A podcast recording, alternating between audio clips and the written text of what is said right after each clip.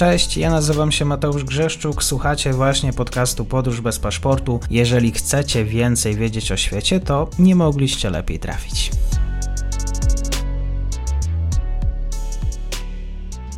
Dzień dobry Państwu, dzień dobry wszystkim słuchaczom. Dzisiaj spotkanie w rytm Ameryki Łacińskiej. Jesteśmy konkretnie w Kolumbii. Ze mną jest Dorota Burdyszek z Koła Naukowego Ameryki Łacińskiej i Karaibów Uniwersytetu Warszawskiego. Dzień dobry, bardzo mi miło. Dzień dobry wszystkim słuchaczom. Będziemy dzisiaj rozmawiać e, o pewnym problemie, który już został zaakcentowany w trakcie poprzednich materiałów, bo mowa o Kolumbii, o skali przemocy, o Kolumbia też jednoznacznie kojarzy się, przynajmniej w Polsce, w związku jednak z kwestiami dotyczącymi narkotyków. E, może na początek, e, jeżeli chodzi o kolumbijskie władze, parlament, takie spojrzenie, kto obecnie rządzi?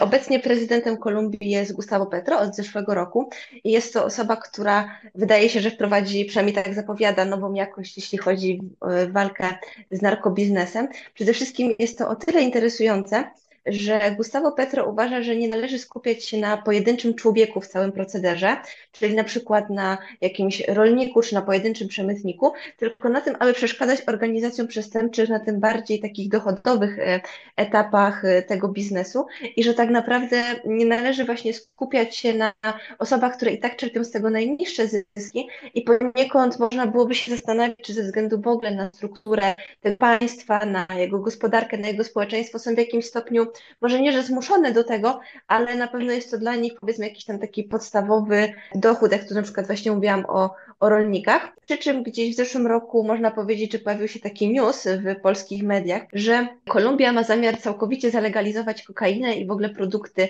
e, z koki. Oczywiście nie jest to prawda, zresztą minister e, sprawiedliwości w Kolumbii powiedział, że kokaina na pewno w tym rządzie nie zostanie zalegalizowana i że tak naprawdę jedyne, co oni powiedzieli oficjalnie, to, że w momencie, w którym to konsumpcja kokainy powoduje, że tak chętnie ona jest produkowana i że tak wielu Kolumbijczyków w ogóle pała się narkobiznesem, to tak naprawdę ważniejsze będzie po pierwsze e, właśnie walka z takimi problemami strukturalnymi, a a z drugiej strony inwestowanie w zdrowie publiczne, bo też pamiętajmy, że tak naprawdę w samej Kolumbii oczywiście są osoby, które przyjmują kokainę, ale to nie jest tak, że ta kokaina z Kolumbii trafia głównie na ich rynek lokalny, to jest przede wszystkim rynek europejski czy Stanów Zjednoczonych, nawet bardziej Stanów Zjednoczonych. W związku z tym właśnie będą to takie walki powiedzmy związane może troszeczkę z restrukturyzacją e, właśnie gospodarki i poprawieniem jakości życia właśnie osób najbiedniejszych. I w zasadzie można powiedzieć, że ta wypowiedź taka dość kontrowersyjna, właśnie dotycząca powiedzmy tego rzekomego, całkowitego zalegalizowania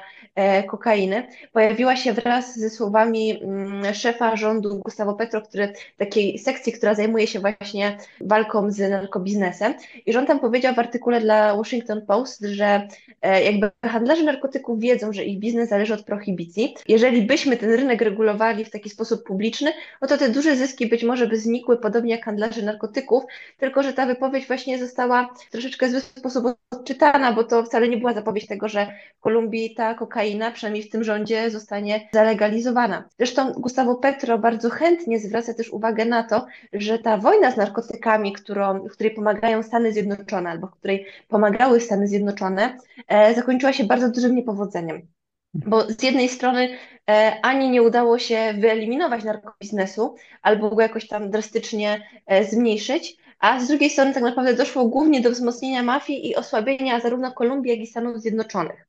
E, I jak Gustavo Petro po raz pierwszy wystąpił na e, Zgromadzeniu Ogólnym ONZ-u we wrześniu 2022 roku, to było jego pierwsze przemówienie jako prezydenta Kolumbii, e, wygłosił on bardzo ciekawe przemówienie którym powiedział, że mm, ta przemoc w Amazonii, która jest związana z produkcją i uprawą koki, a potem przetwórstwem i na kokainę, to przede wszystkim w wyniku tej walki tak naprawdę ucierpiała Amazonia i bioróżnorodność kolumbijska, którą, ko, której koka jest integralną częścią. Że nie za bardzo może istnieć bioróżnorodność Amazonii i Kolumbii właśnie bez e, koki. I że koka była świętą rośliną Inków i w ogóle ma bardzo duże znaczenie dla Kolumbijczyków. I tak naprawdę taka walka, e, która w przypadku Amerykanów wygląda po prostu w taki sposób, że oni chemicznie, bądź na przykład jakimiś wypalaniami fragmentów lasów po prostu doprowadzili mm, część tej kolumbijskiej Amazonii po prostu do takiej bardzo dużej tragedii ekologicznej i że wydaje się, że to jest po prostu było złe rozwiązanie.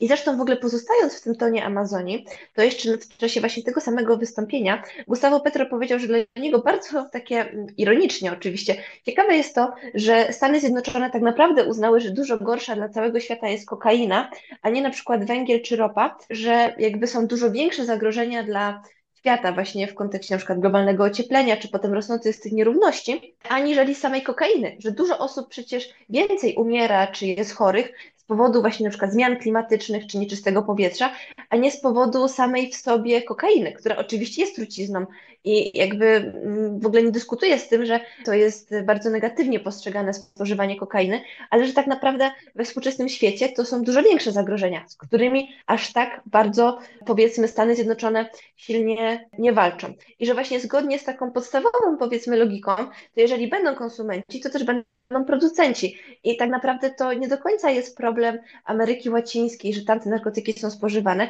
tylko to jest właśnie problem tego, nazwijmy to, Zachodu, który bardzo chętnie właśnie w tą walkę z narkotykami się włącza, tylko w taki sposób, który jest w zasadzie bardziej destrukcyjny, aniżeli przynosi jakieś pozytywne skutki. Mhm. Powierzchnia Kolumbii, na której uprawia się właściwie koka, jest największa w historii. Tak alarmowało jeszcze w raporcie Biuro Narodów Zjednoczonych do spraw narkotyków i przestępczości. I w tym dokumencie pojawiły się dane za 2020 oraz 2021 rok, że po powierzchnia upraw koki wzrosła 43%. Dzisiaj będziemy też rozmawiać o tej e, spowszednieniu tego tematu dla Kolumbijczyków na tyle, że on, i tutaj słowo klucz e, następuje swego rodzaju komercjalizacja i również takie produkty zachodnie jak seriale na platformie Netflix e, się do tego przyczyniają. Mam rozumieć po Twojej wypowiedzi, że sama uprawy kokainy to jest istotna część kolumbijskiej gospodarki. To, to, to jest przemysł, który, przemysł, można tak powiedzieć, obszar, który daje po prostu pracę ludziom. Tak, ja znalazłam bardzo interesujące, interesującą wypowiedź już byłego ministra finansów Kolumbii, że szacuje się, że produkcja kokainy wygenerowała, on tutaj mówił w zeszłym roku tam, jeżeli e, dobrze patrzyłam, to chodziło o rok 2021, ten pandemiczny, bo tutaj można wręcz powiedzieć o wpływie właśnie pandemii COVID-19 na sam narkobiznes, że właśnie w tym zeszłym roku, e, wtedy 2020, 20, jak ja dobrze liczę, to zyski, jakie wygenerowała kokaina, produkcja kokainy są pomiędzy 8 do 20 miliardów dolarów. To są oczywiście szacunki ciężko mówić o jakichś oficjalnych wyliczeniach i że odpowiadałoby to no albo 2,6% kolumbijskiego PKB, albo 4%, bo to w zależności, którą z tych wcześniejszych danych przyjmiemy. I że właśnie zdaniem tego byłego ministra finansów, to spadek legalnego eksportu, który był spowodowany właśnie przez koronawirusa, czyli tam e, chodzi między innymi na przykład o kawę, to spowodował, że, koka że kokaina zaczęła stanowić jedną czwartą całego eksportu tego kraju. I to powoduje, że cały ten sektor eksportu kokainy jest prawie tak samo duży, jak E, e, przetwórstwo ropy naftowej i jej wydobycie. To pokazuje nam, że naprawdę ta skala problemu jest bardzo duża. Zresztą w ogóle, jeżeli spojrzymy faktycznie na te mm, gdzieś procenty, e, to jeżeli spojrzymy sobie na to tak historycznie, to w zasadzie mówimy gdzieś tam od lat powiedzmy 80., 90. właśnie o tym, że e, Kolumbia staje się tym głównym eksporterem, czy tym głównym producentem mm, kokainy.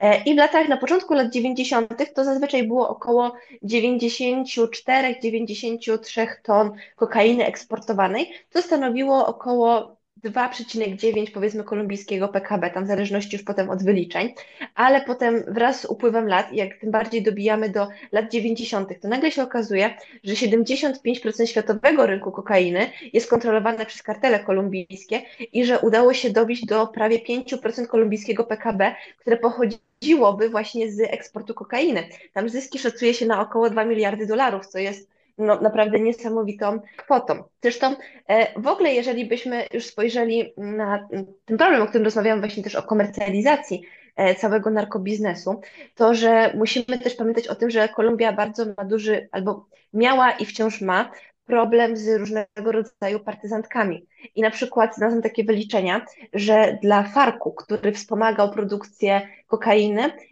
to mm, handel narkotykami przyniósł pomiędzy 200 do 500 milionów dolarów zysku.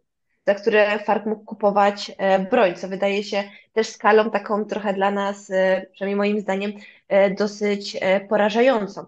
Zresztą e, można też dotrzeć do takich danych, że na przełomie wieku XX i XXI 300 tysięcy Kolumbijczyków w jakimś stopniu korzysta z tego narkobiznesu, właśnie będąc jakąś tam jego częścią, a aż 95% całej kokainy, która jest konfiskowana w Europie, pochodzi z Kolumbii. I kiedy zestawimy to z tym, że tak naprawdę następuje, e, przynajmniej zgodnie właśnie z raportami ONZ-u, tymi tej Agencji do Spraw Narkotyków i Przestępczości, e, że ciągle mamy coraz to więcej pól, które, na których uprawia się kokę i że tak naprawdę ciągle mamy jakiś tam systematyczny wzrost przetwórstwa koki. Znalazłam tutaj dane, że e, właśnie za rok 2020, że było to 1228 ton przetworzonej koki, e, co stanowi naprawdę jakby na to nie patrzeć, potężną, e, potężną ilość i widzimy wciąż stały wzrost. W związku z tym można powiedzieć, że no prognozy w tym momencie najlepsze nie są. Narkotyki to również e, swego rodzaju przemoc, wymuszenia. E, to jest e, też ból, który ma pewne odzwierciedlenie. Potrafimy sobie wyobrazić w związku z serialami na Netflixie, które oglądamy rzadko kiedy ktokolwiek z nas ma możliwość zderzenia się z tą kolumbijską rzeczywistością, tam na miejscu, podróżując. Temat trudny dla Kolumbijczyków to, jak pokazuje się ich kraj właśnie w mediach, w tego typu produkcjach? Wydaje się, że tak. Albo może stwierdzić nawet, że na pewno tak, tylko zależy chyba, kto o tym opowiada. Przynajmniej to są takie moje obserwacje. Udało mi się dotrzeć do takiego stwierdzenia, że w Kolumbii powstało nawet coś takiego jak gatunek telewizyjny narkonowela. I część tych narkonowel jest produkowana w Kolumbii i na przykład tutaj są takie przykłady jak El Chapo czy El Patron del Mal, które wśród Kolumbijczyków mają nawet nie najgorszy odbiór, przede wszystkim dlatego, że jak czytałam o tym, że właśnie e, drugi z mierzonych tytułów, czyli El Patron del Mal, e, jest bardzo dobrze przygotowany merytorycznie. I że można to oglądać nawet właśnie, żeby poznać trochę lepiej e, historię tego problemu w Kolumbii. Z kolei serial, o którym tutaj mówimy na platformie Netflix, miał bardzo dużo zarzutów właśnie ze strony Kolumbijczyków. I to nawet nie są zarzuty tylko i wyłącznie dotyczące stereotypów czy sposobu przedstawienia Kolumbii, ale nawet takie kwestie techniczne, bo nie wiem, czy mm, Państwo sobie z tego zdają sprawę, ale tak naprawdę głównych bohaterów wcale nie grają Kolumbijczycy którzy mhm. musieli albo próbowali przynajmniej udawać kolumbijski akcent. Tutaj takie głosy się pojawiły, że to jest trochę tak, jakby ktoś z bardzo silnym amerykańskim akcentem próbował grać Sherlocka Holmesa. Że mniej więcej w taki sposób to brzmiało dla Kolumbijczyków i że no, powodowało jakąś taką śmieszność i też dla nich to, że nie oni mogą tą swoją historię opowiedzieć, bo pamiętajmy, że głównym bohaterem właśnie serialu, o którym tutaj mówimy, e, nie do końca są Kolumbijczycy tylko e, agent amerykański. W związku z tym mówi się tutaj, przynajmniej strony Kolumbijczyków, pewnego rodzaju takim zawłaszczeniu trochę tej historii. Ale jeżeli już jesteśmy przy stereotypach, to przede wszystkim zarzuty dotyczą tego, że kolumbijskie postaci w tym serialu to są przede wszystkim przestępcy. Z drugiej strony mamy tam bardzo mocno pokazany skorumpowany aparat e, państwa, policjantów na przykład czy kobiety, które są w tym serialu przedstawiane jako Kolumbijki, są pokazywane w sposób bardzo seksualny, co również się nie podoba e, Kolumbijczykom, bo właśnie e, nie pokazuje jakby całej głębi e, problemu, o którym ten serial teoretycznie miałby mówić. Również zwracają uwagę na różnego rodzaju braki merytoryczne, czyli na przykład postaci, które w prawdziwej historii Escobara nie odegrały jakiejś znaczącej roli, to odgrywają dosyć dużą w serialu, albo na przykład zabijane są nie te osoby, które trzeba, albo nie zabijane, albo Escobar w tym serialu nie zabija tych osób, które faktycznie zabił. Czyli mamy tutaj braki merytoryczne i to bym właśnie e, dała w kontrze do tej e, produkcji, o której wcześniej mówiłam. Sama postać Escobara też e, była wykorzystywana właśnie w kampaniach reklamowych i tutaj bardzo dużą uwagę Kolumbijczycy zwrócili na billboardy, które pojawiły się w Europie, jak się nie mylę, z Escobarem, w którym był bardzo dużo białego proszku, który wiemy, co miał symbolizować, i było podpisane Och White Christmas. Billboardy mhm. oczywiście pojawiły się przed świętami Bożego Narodzenia i wzbudziły dosyć duży niesmak, bo jakby wiadomo, do czego ten biały proszek miał być e, nawiązaniem. A z jeszcze z innej strony należy też zwrócić uwagę na to, że bardzo wielu mm, Europejczyków, czy też Amerykanów, albo powiedzmy ogólnie turystyczności z Kolumbią nie miały za dużej. I ten serial obejrzały, miały bardzo specyficzne wyobrażenie o Medellin na przykład, e, że należy pamiętać o tym, że Kolumbia współczesna, a Kolumbia w latach 80. to jest zupełnie inna Kolumbia. I przede wszystkim właśnie turyści podobno byli bardzo zdziwieni, kiedy przyjeżdżają do Medellin i okazuje się, że to miasto jest tak bardzo dla nich, powiedzmy, zachodnie że nie widzą tam tego, co, zobaczyli w serialu. Ale też oczywiście należy pamiętać o tym, że samo Medellin przeszło bardzo długą drogę od czasu Escobara. Szacuje się, że wskaźniki przemysłu i zabójstw zmniejszyć o około 95%, a ubóstwo około 66% i Medellin dostaje różnego rodzaju nagrody e, za miasto, za innowacyjne miasto roku, to jest rok 2013, e, czy na przykład samorząd Medellin dostaje też różnego rodzaju e, nagrody. Zresztą można też poczytać, to już bardziej jest taka powiedzmy e, popkultura trochę, bo akurat e, to czerpię z różnego rodzaju blogów, że Kolumbijczykom bardzo nie podoba się to, że na przykład jeżeli pojadą za granicę i ktoś się dowie, że oni są z Kolumbii, to nagle mówi, a oglądałem, tutaj pada tytuł e, serialu i o, macie Escobara, macie kokainę i będziemy o tym rozmawiać. I że to nie jest temat bardzo taki chlubny, byśmy powiedzieli, dla dla Kolumbijczyków i niekoniecznie chcą być oni głównie z tym kojarzeni, a wydaje się, że e, dla bardzo dużego grona osób to jest jednoznaczne. Jesteś Kolumbijczykiem, więc e, ten serial jest dobrym początkiem rozmowy z tobą, a to jest takie dosyć krzywdzące że tak powiem, osoby z tego kolumbijskiego narkobiznesu, ci ludzie w pewien sposób, może dziwne pytanie, ale są dla, potrafią być dla kogoś e, idolami w Kolumbii, są podziwiane, e, jakby ich głos e, jest ważny w kolumbijskiej przestrzeni publicznej? Jeśli chodzi o Escobara, bo tu bym się chciała nad nim chwilę zatrzymać, to Istnieje w Kolumbii takie zjawisko, o którym się mówi sicarios i to są e, rodzaj takich płatnych zabójców, przy czym w tym momencie oni mają dosyć duże, powiedzielibyśmy, problemy strukturalne, co może brzmi dosyć irracjonalnie, kiedy mówię o płatnych zabójcach, ale tak powiedzmy, że w dużym skrócie, że bardzo dużo z tych sicarios rekrutuje się wśród dzieci. E, I kiedy poczyta się różnego rodzaju wywiady, na przykład właśnie z tymi dziećmi, które w tak młodym wieku biorą czynny często udział w zabójstwie, nie mówię, że one zabijają, ale na przykład biorą udział w jakimś zwabianiu ofiary w miejsce, w którym ma zostać ona zamordowana, albo też czasami faktycznie mordują. Mówimy tutaj o dzieciach 10-14 lat. To mówią one bardzo często, że bardzo lubią oglądać właśnie seriale o Escobarze, bo przecież kto by nie chciał być taki jak Escobar? Ma pieniądze, ma broń, ma samochody, ma luksusowe życie.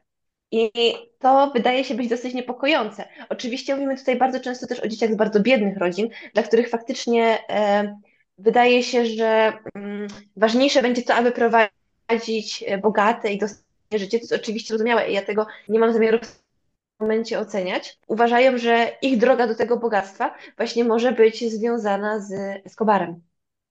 Albo powiedzmy z przyjęciem takiej ścieżki, jaką przyjął Escobar, czyli po prostu z narkobiznesem. Chciałam jeszcze wspomnieć właśnie o takim troszeczkę innym zjawisku również w Kolumbii, które widzimy, czyli o tworzeniu z przestępców albo powiedzmy z ofiar przemocy i samych przestępców gwiazd telewizyjnych. I tutaj chciałam troszeczkę wspomnieć o e, powiedzmy kolumbijskiej edycji Tańca z Gwiazdami, jakkolwiek by to również niedorzecznie nie brzmiało, e, gdzie mieliśmy dwóch e, celebrytów, którzy wzbudzili bardzo duże zainteresowanie. I jednym z nich była, był policjant, który był przetrzymywany przez FARC, to jest taka e, bojówka mm, kolumbijska, która w zasadzie została obecnie rozwiązana, ponieważ doszło do porozumienia pokojowego, a drugą osobą, która występowała również w tej edycji była, była członkini FARC-u.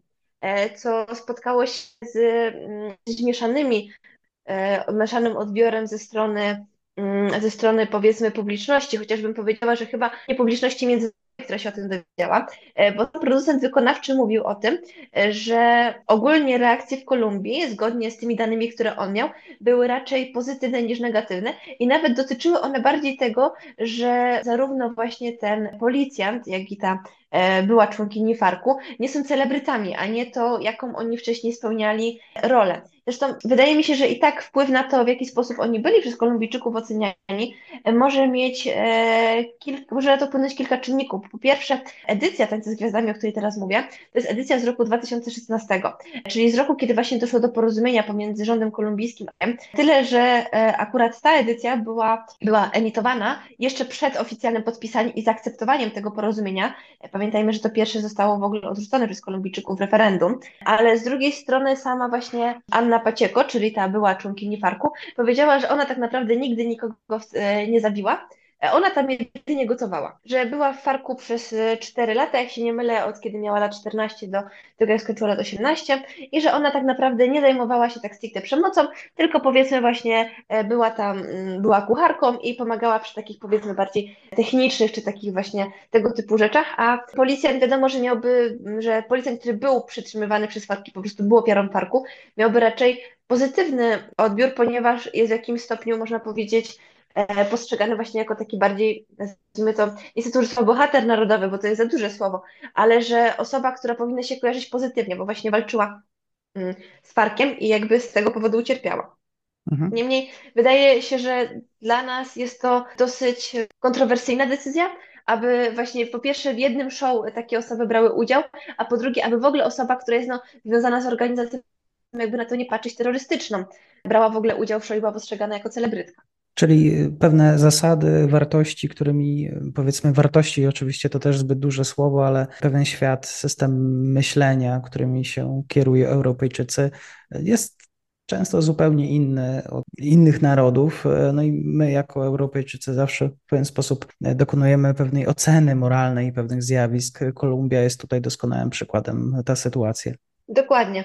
Zresztą myślę, że tak warto jeszcze byłoby przytoczyć to, że producenci tego, tego sezonu Tańca z Gwiazdami kolumbijskiego powiedzieli, że e, właśnie ci uczestnicy, jako ci powiedzmy celebryci, tak jako te gwiazdy, ma pokazać Kolumbijkom i Kolumbijczykom, że można, a nawet powinno się dążyć do życia w pokoju i wybaczenia sobie dawnych win.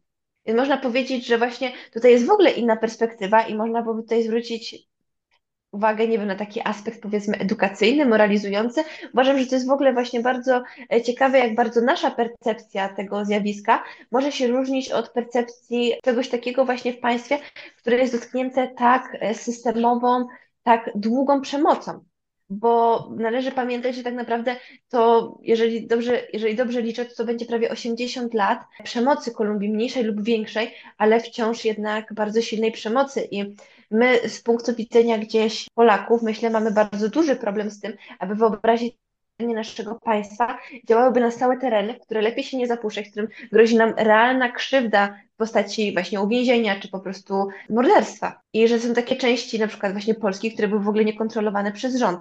Także uważam, że to jest w ogóle bardzo takie otwierające doświadczenie i może pozwoli nam się trochę oderwać od takiego właśnie europejskiego podejścia do tego typu problemów. Tak jest. Bardzo dziękuję za dzisiejsze spotkanie, za wiedzę. Kolumbia, Dorota Burdyszek, bardzo dziękuję. Do usłyszenia. I to już koniec na dzisiaj. Zapraszam na profil podcastu Podróż bez paszportu na Facebooku, Instagramie i Twitterze. Zachęcam też do wsparcia mojej pracy na serwisie Patronite oraz Buy Coffee. Do usłyszenia.